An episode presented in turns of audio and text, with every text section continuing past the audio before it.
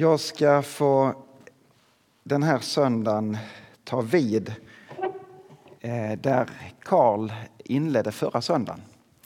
Jag sa till ungdomarna på eh, UG i fredags, vi hade ett, ett digitalt ungdomsmöte och möttes sådär modernt via telefon och dator. Eh, och då påminde jag dem om att vi nu är inne i det vi nästan skulle kunna kalla lite grann vår missionsvecka. Vi satte igång ett tema förra söndagen som hade ett perspektiv tillbaka i tiden. Mission eh, ur ett historiskt perspektiv.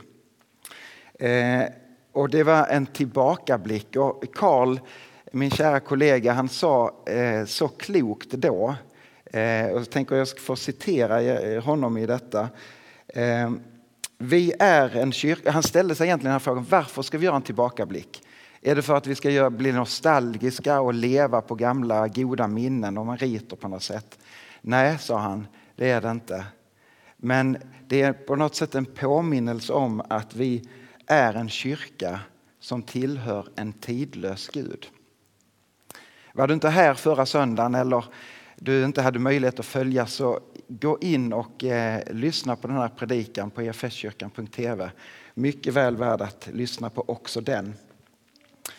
Mission, det var då. Men vi är en kyrka som tillhör en tidlös Gud och också historiens Gud. Gud är den som verkar i hela historien och också är den som på något sätt ytterst sett skriver historien, tänker jag. Så det här, jag tänker Guds tilltal tilltalet eller närheten till Gud som har berört människor på så innerligt sätt. Berört med en sån, sån eh, säga, glöd så att det har blivit en iver inifrån att det här måste jag dela med mig av. Jag måste få ge vidare det som jag har fått som gåva. Jag kan inte låta det stanna bara här vid min vetskap. Historien är full av människor som har fått bli berörda på det sättet och anat Guds tilltal och kallelse på olika sätt. Då tänker jag så här att de här människorna genom historien och kanske vi också får vara sådana människor som får ana Guds tilltal och Guds kallelse. Att han får beröra oss att våra hjärtan blir ivriga att dela med. Men det är också det att inspireras av de som har gått före. Därför är det viktigt att faktiskt ta del av det historiska perspektivet. Andra har vågat gå. Utmanar det mig, uppmuntrar det mig att också våga gå idag. De som kanske var inspirerade för 150 år sedan eller för 1500 år sedan kanske var inspirerade av människor som levde för 2000 år sedan. Och vi har ju fantastiska berättelser i bibelordet av eh, händelser som kan inspirera oss. Och kanske det är så att många har varit inspirerade av Paulus genom åren. Paulus han skriver så här i avslutningen i sitt brev till romarna, i Romarbrevet 15. Så inleder han så här, i de två första verserna. Vi som är starka är skyldiga att hjälpa de svaga med deras bördor och får inte tänka på oss själva. Vi ska var och en tänka på vår nästa, på vad som är gott och vad som bygger upp. Här slår han fast liksom ett fokus som inte handlar bara om mig utan det handlar om att sträcka vidare till den som behöver. Och så fortsättningsvis här i kapitlet så delar han sin vision att han vill fara vidare och sprida evangeliet om Jesus Kristus. Han har en, ett fokus. Jag, och tänk om jag hade kunnat få resa till Spanien och få vittna för hedningarna. Och så delar han den liksom nöden och glöden. Åh, måtte jag få komma iväg. Men jag har ett uppdrag innan jag kan ta mitt sikte mot Spanien. Och det skriver han lite längre fram. I vers 25 och framåt. Men först far jag till Jerusalem med hjälpen till de heliga. Makedonien och Akaia har nämligen beslutat att göra en insamling för de fattiga bland de heliga i Jerusalem. Och bara så fantastiskt tänker vi, vilka är människor är det som finns där i Makedonien och Akaja? Jo, människor som har blivit berörda av Guds tilltal. Blivit inspirerade, kanske av Paulus och av andra som, som kommer med vittnesbördet som faktiskt har sin början i Jerusalem.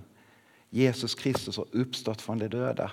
Den levande guden är mitt ibland oss. Han är här. Och så blir de gripna och så får de höra om nöden i Jerusalem. Om fattigdomen som har drabbat vissa delar där. Och så säger de, låt oss samla ihop pengar och skicka dit. Här ser vi ett missionens hjärta. Detta har säkert inspirerat många människor genom historien. Och så tänkte jag när jag satt och lyssnade på Karl förra söndagen att visst, vi kan titta bakåt och läsa om det historiska.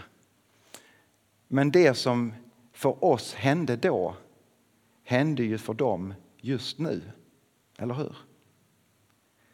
Missionen, det händer nu, eh, som i denna söndagens rubrik har ett drag av att i mission så är det ett ständigt nu.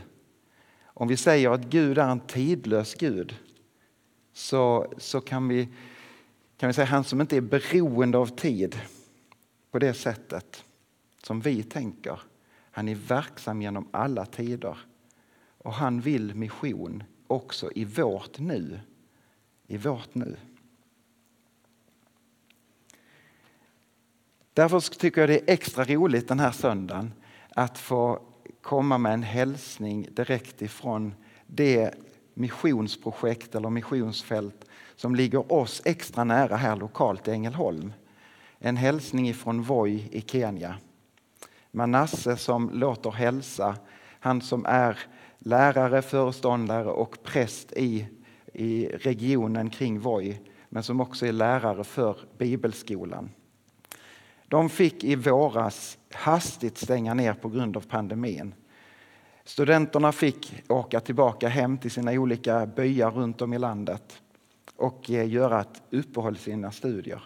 Egentligen skulle de faktiskt ta examen på lördag om en vecka med en extremt lång gudstjänst kan jag säga. Vi var där på förra eh, årskullen, eller förra kullens eh, examen. Eh, men vi var jättetacksamma då för de körde den kortare gudstjänsten som bara var fyra timmar eller något sånt. I stekande sol och hetta.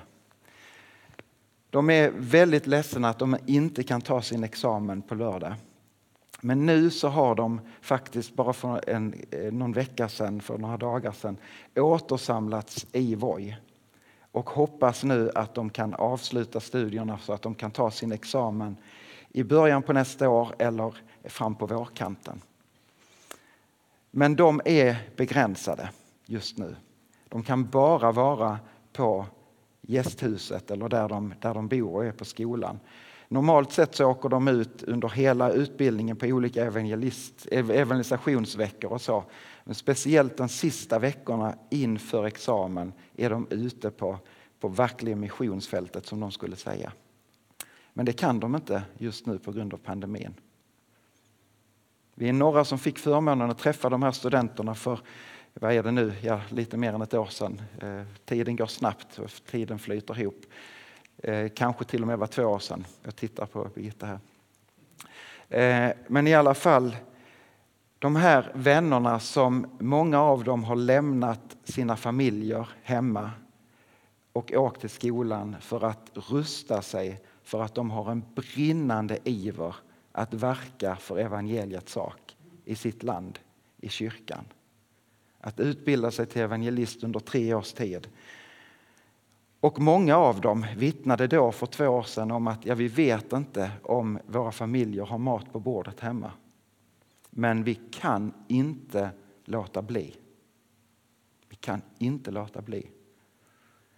Manasse har berättat att, att under pandemin så har det blivit extremt svårt i Kenya på många sätt.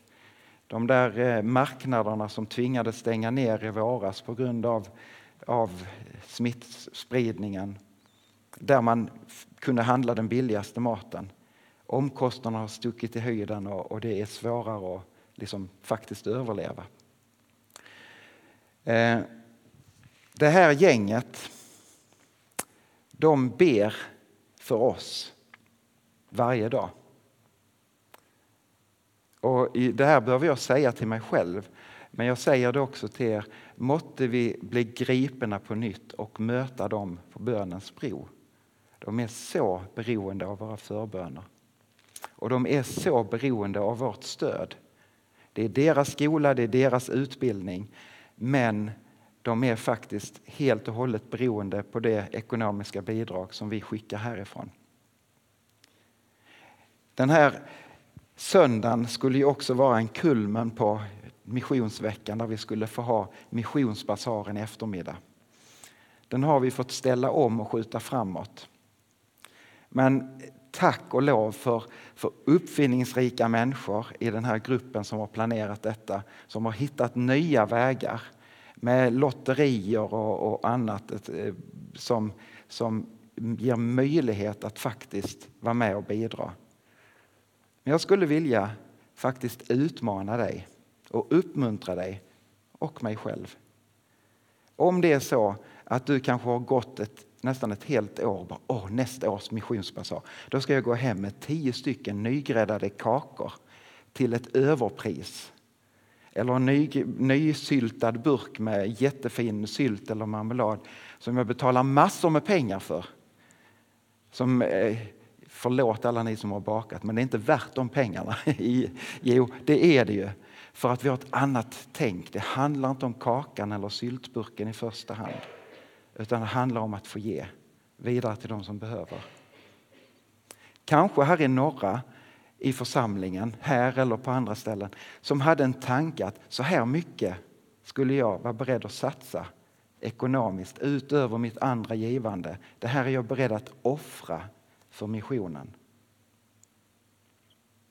Den summan kanske ser olika ut för oss. Och där skulle jag vilja utmana dig, trots att du kanske inte kan gå hem med nygräddade kakor i en påse. Är du beredd att ge den gåvan ändå? Idag så tar vi upp en kollekt, liksom vi gjorde förra söndagen, till missionen. Kanske det är så att du tänker att ja, jag ska köpa fem lotter till eller tio lotter till. Eller jag tar den där extra gåvan som jag hade avsatt till detta och satsar. För behoven är oerhört stora just nu. Vi får lov att ta från vårt överflöd och ge vidare till dem som behöver det bättre. Och kanske likt Paulus, jag har ett ärende. Jag behöver gå med gåvan till dem som är fattiga. För oss inte i Jerusalem utan i Kenya. Men, vet ni vad? Vi har ju inte bara ett eh, fokus på Voi och Kenya.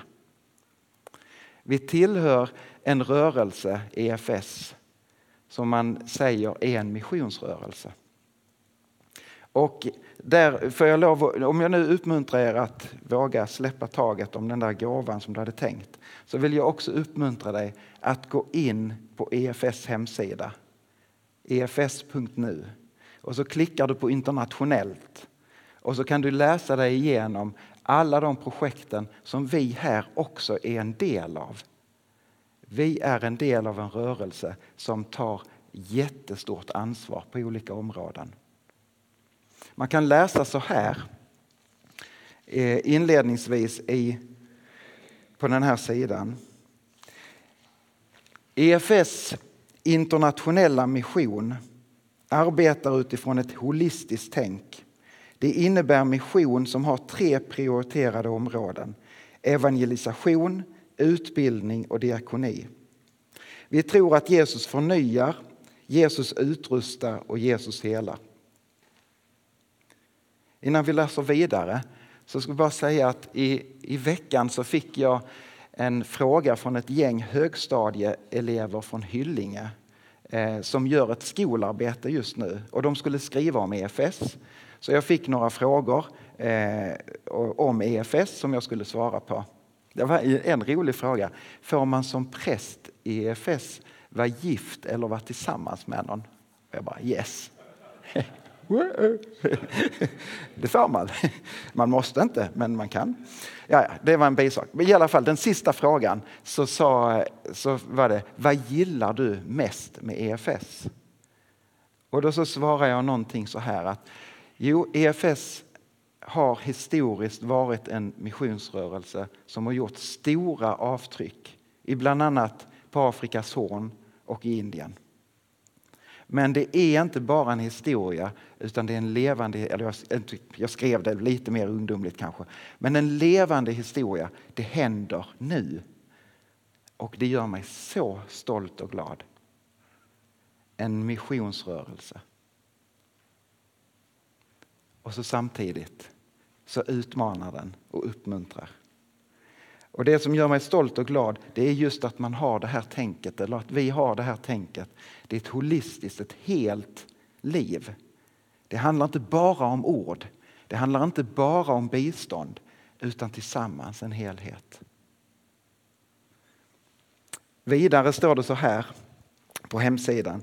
EFS har del i Guds uppdrag till den världsvida kyrkan att gå ut med hela evangeliet till hela människan i hela världen. Det är en helhetssyn på missionsuppdraget som utgår från att kristen tro föder solidaritet med vår omvärld och som innebär att evangelisation och diakoni inom och utom Sverige är bärande delar i den lokala församlingens verksamhet.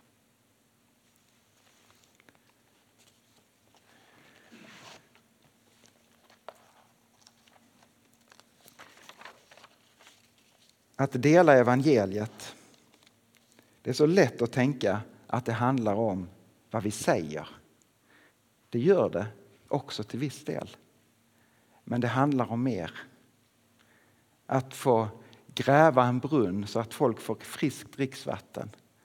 Att hjälpa människor så att de kan äta eller klä sig eller få ett hem att vila, vila i.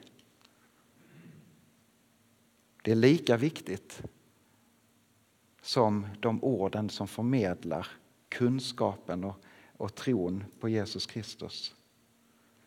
Vi behöver missionera med både ord och handling. Och Jesus han ger ett så tydligt exempel på det i Matteus evangeliet.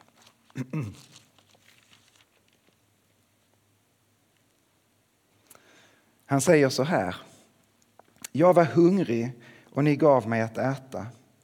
Jag var törstig och ni gav mig att dricka. Jag var hemlös och ni tog hand om mig. Jag var naken och ni gav mig kläder.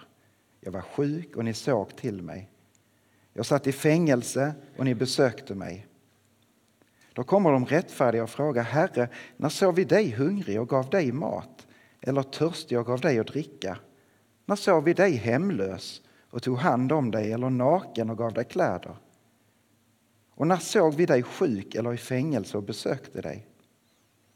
Kungen ska svara dem, sannerligen vad ni har gjort för någon av dessa minsta som är mina bröder, det har ni gjort för mig.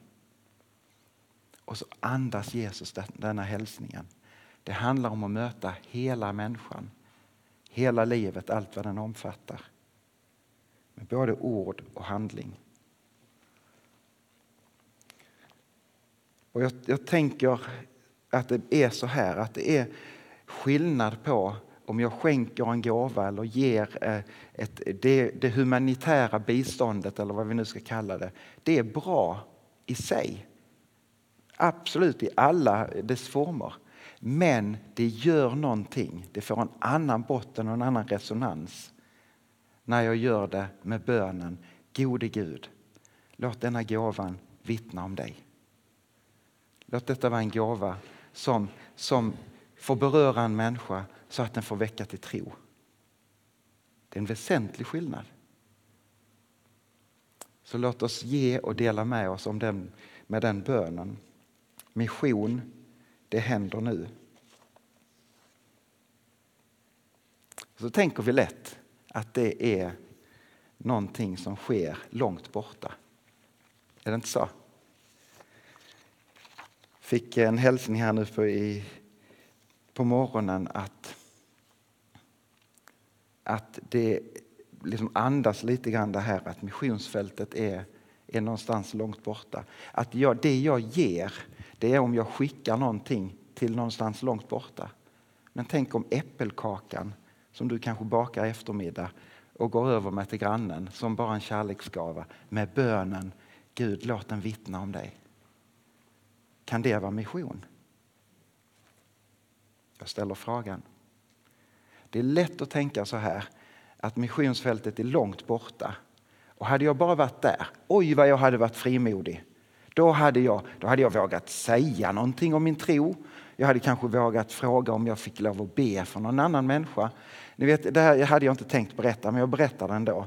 Eh, för det blir en liten sån skamgrej för mig här. Eh, eller skam, men när jag gick på Johannelund och läste för lite mer än 20 år sedan så var vi i Stockholm i Sankta Clara kyrka och skulle ha en dag om mission. Och hamnar man med Karl-Erik Salberg då kan allting hända. Och hamnar man med, hamnar man med Klara-vännerna så kan allting hända. Plötsligt står vi efter att ha brett mackor på morgonen eh, mitt ute på Sergels torg och delar ut mat där, fullt med folk på Sergels torg. Vet ni vad som plötsligt händer? De har riggat upp en ljudanläggning där. Och plötsligt står jag med en gitarr och sjunger en solosång i den här ljudanläggningen. Varför, hur kunde jag göra det? Skulle jag göra det här nere i stan? Där är någonting ändå. Frimodigheten ökar när vi är långt borta. Men vi får inte lura oss att tänka att det är där missionsfältet är och att det är så mycket enklare. Om Gud är en tidlös Gud som inte är beroende av, tid och, eh, eller av tiden så är han inte heller beroende av rummet. Han är inte beroende av liksom, oh, det måste vara på en speciell plats.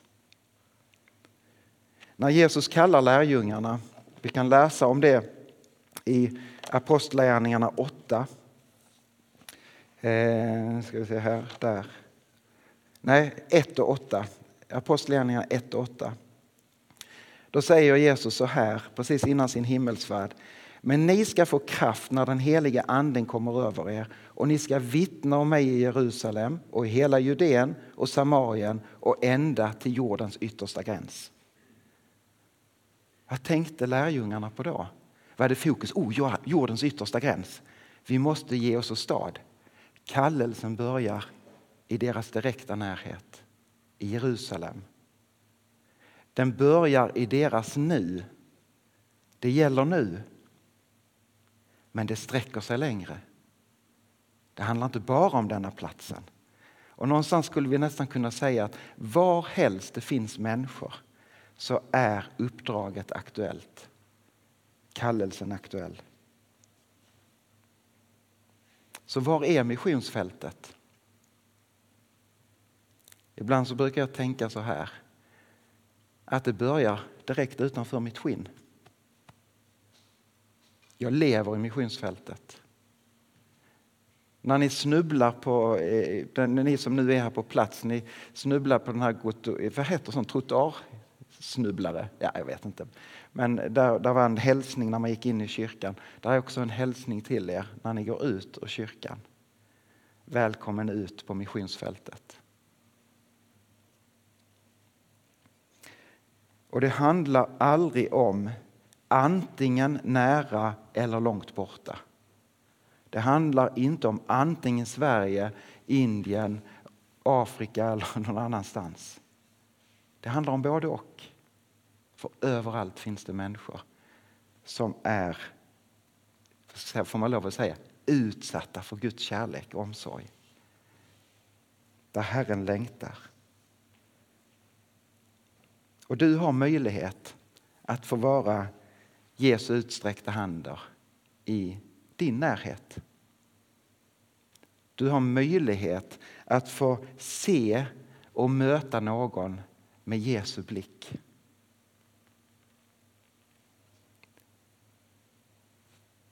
Någonstans så, så får det också stavas mission tillsammans med så mycket annat. Och i det så ska vi också komma ihåg att be för dem som är nu säger jag felsägningen, men som är ute på missionsfältet långt borta. Missionärerna som är sända. Jag är en god kämpe här i lokalen idag vars fru har fått återvända till ert missionsfält. Men vi finns ju alla i missionsfältet. Så låt oss be för varandra att vi får vara en kyrka som vittnar om Jesus Kristus och som delar med sig. När vi nu ska ta upp gåvan till missionen och den här gåvan den går helt oavkortat eh, vidare till EFS mission och till eh, arbetet i Voi. Så ska vi be och sjunga i salmen. Och en strof i sista versen är Ta mina händer, ta mina fötter, öga och öra tag, Herre kär. Ta hela mig och använd mig för din sak. Ska vi be och sen sjunger vi och ger vår gåva.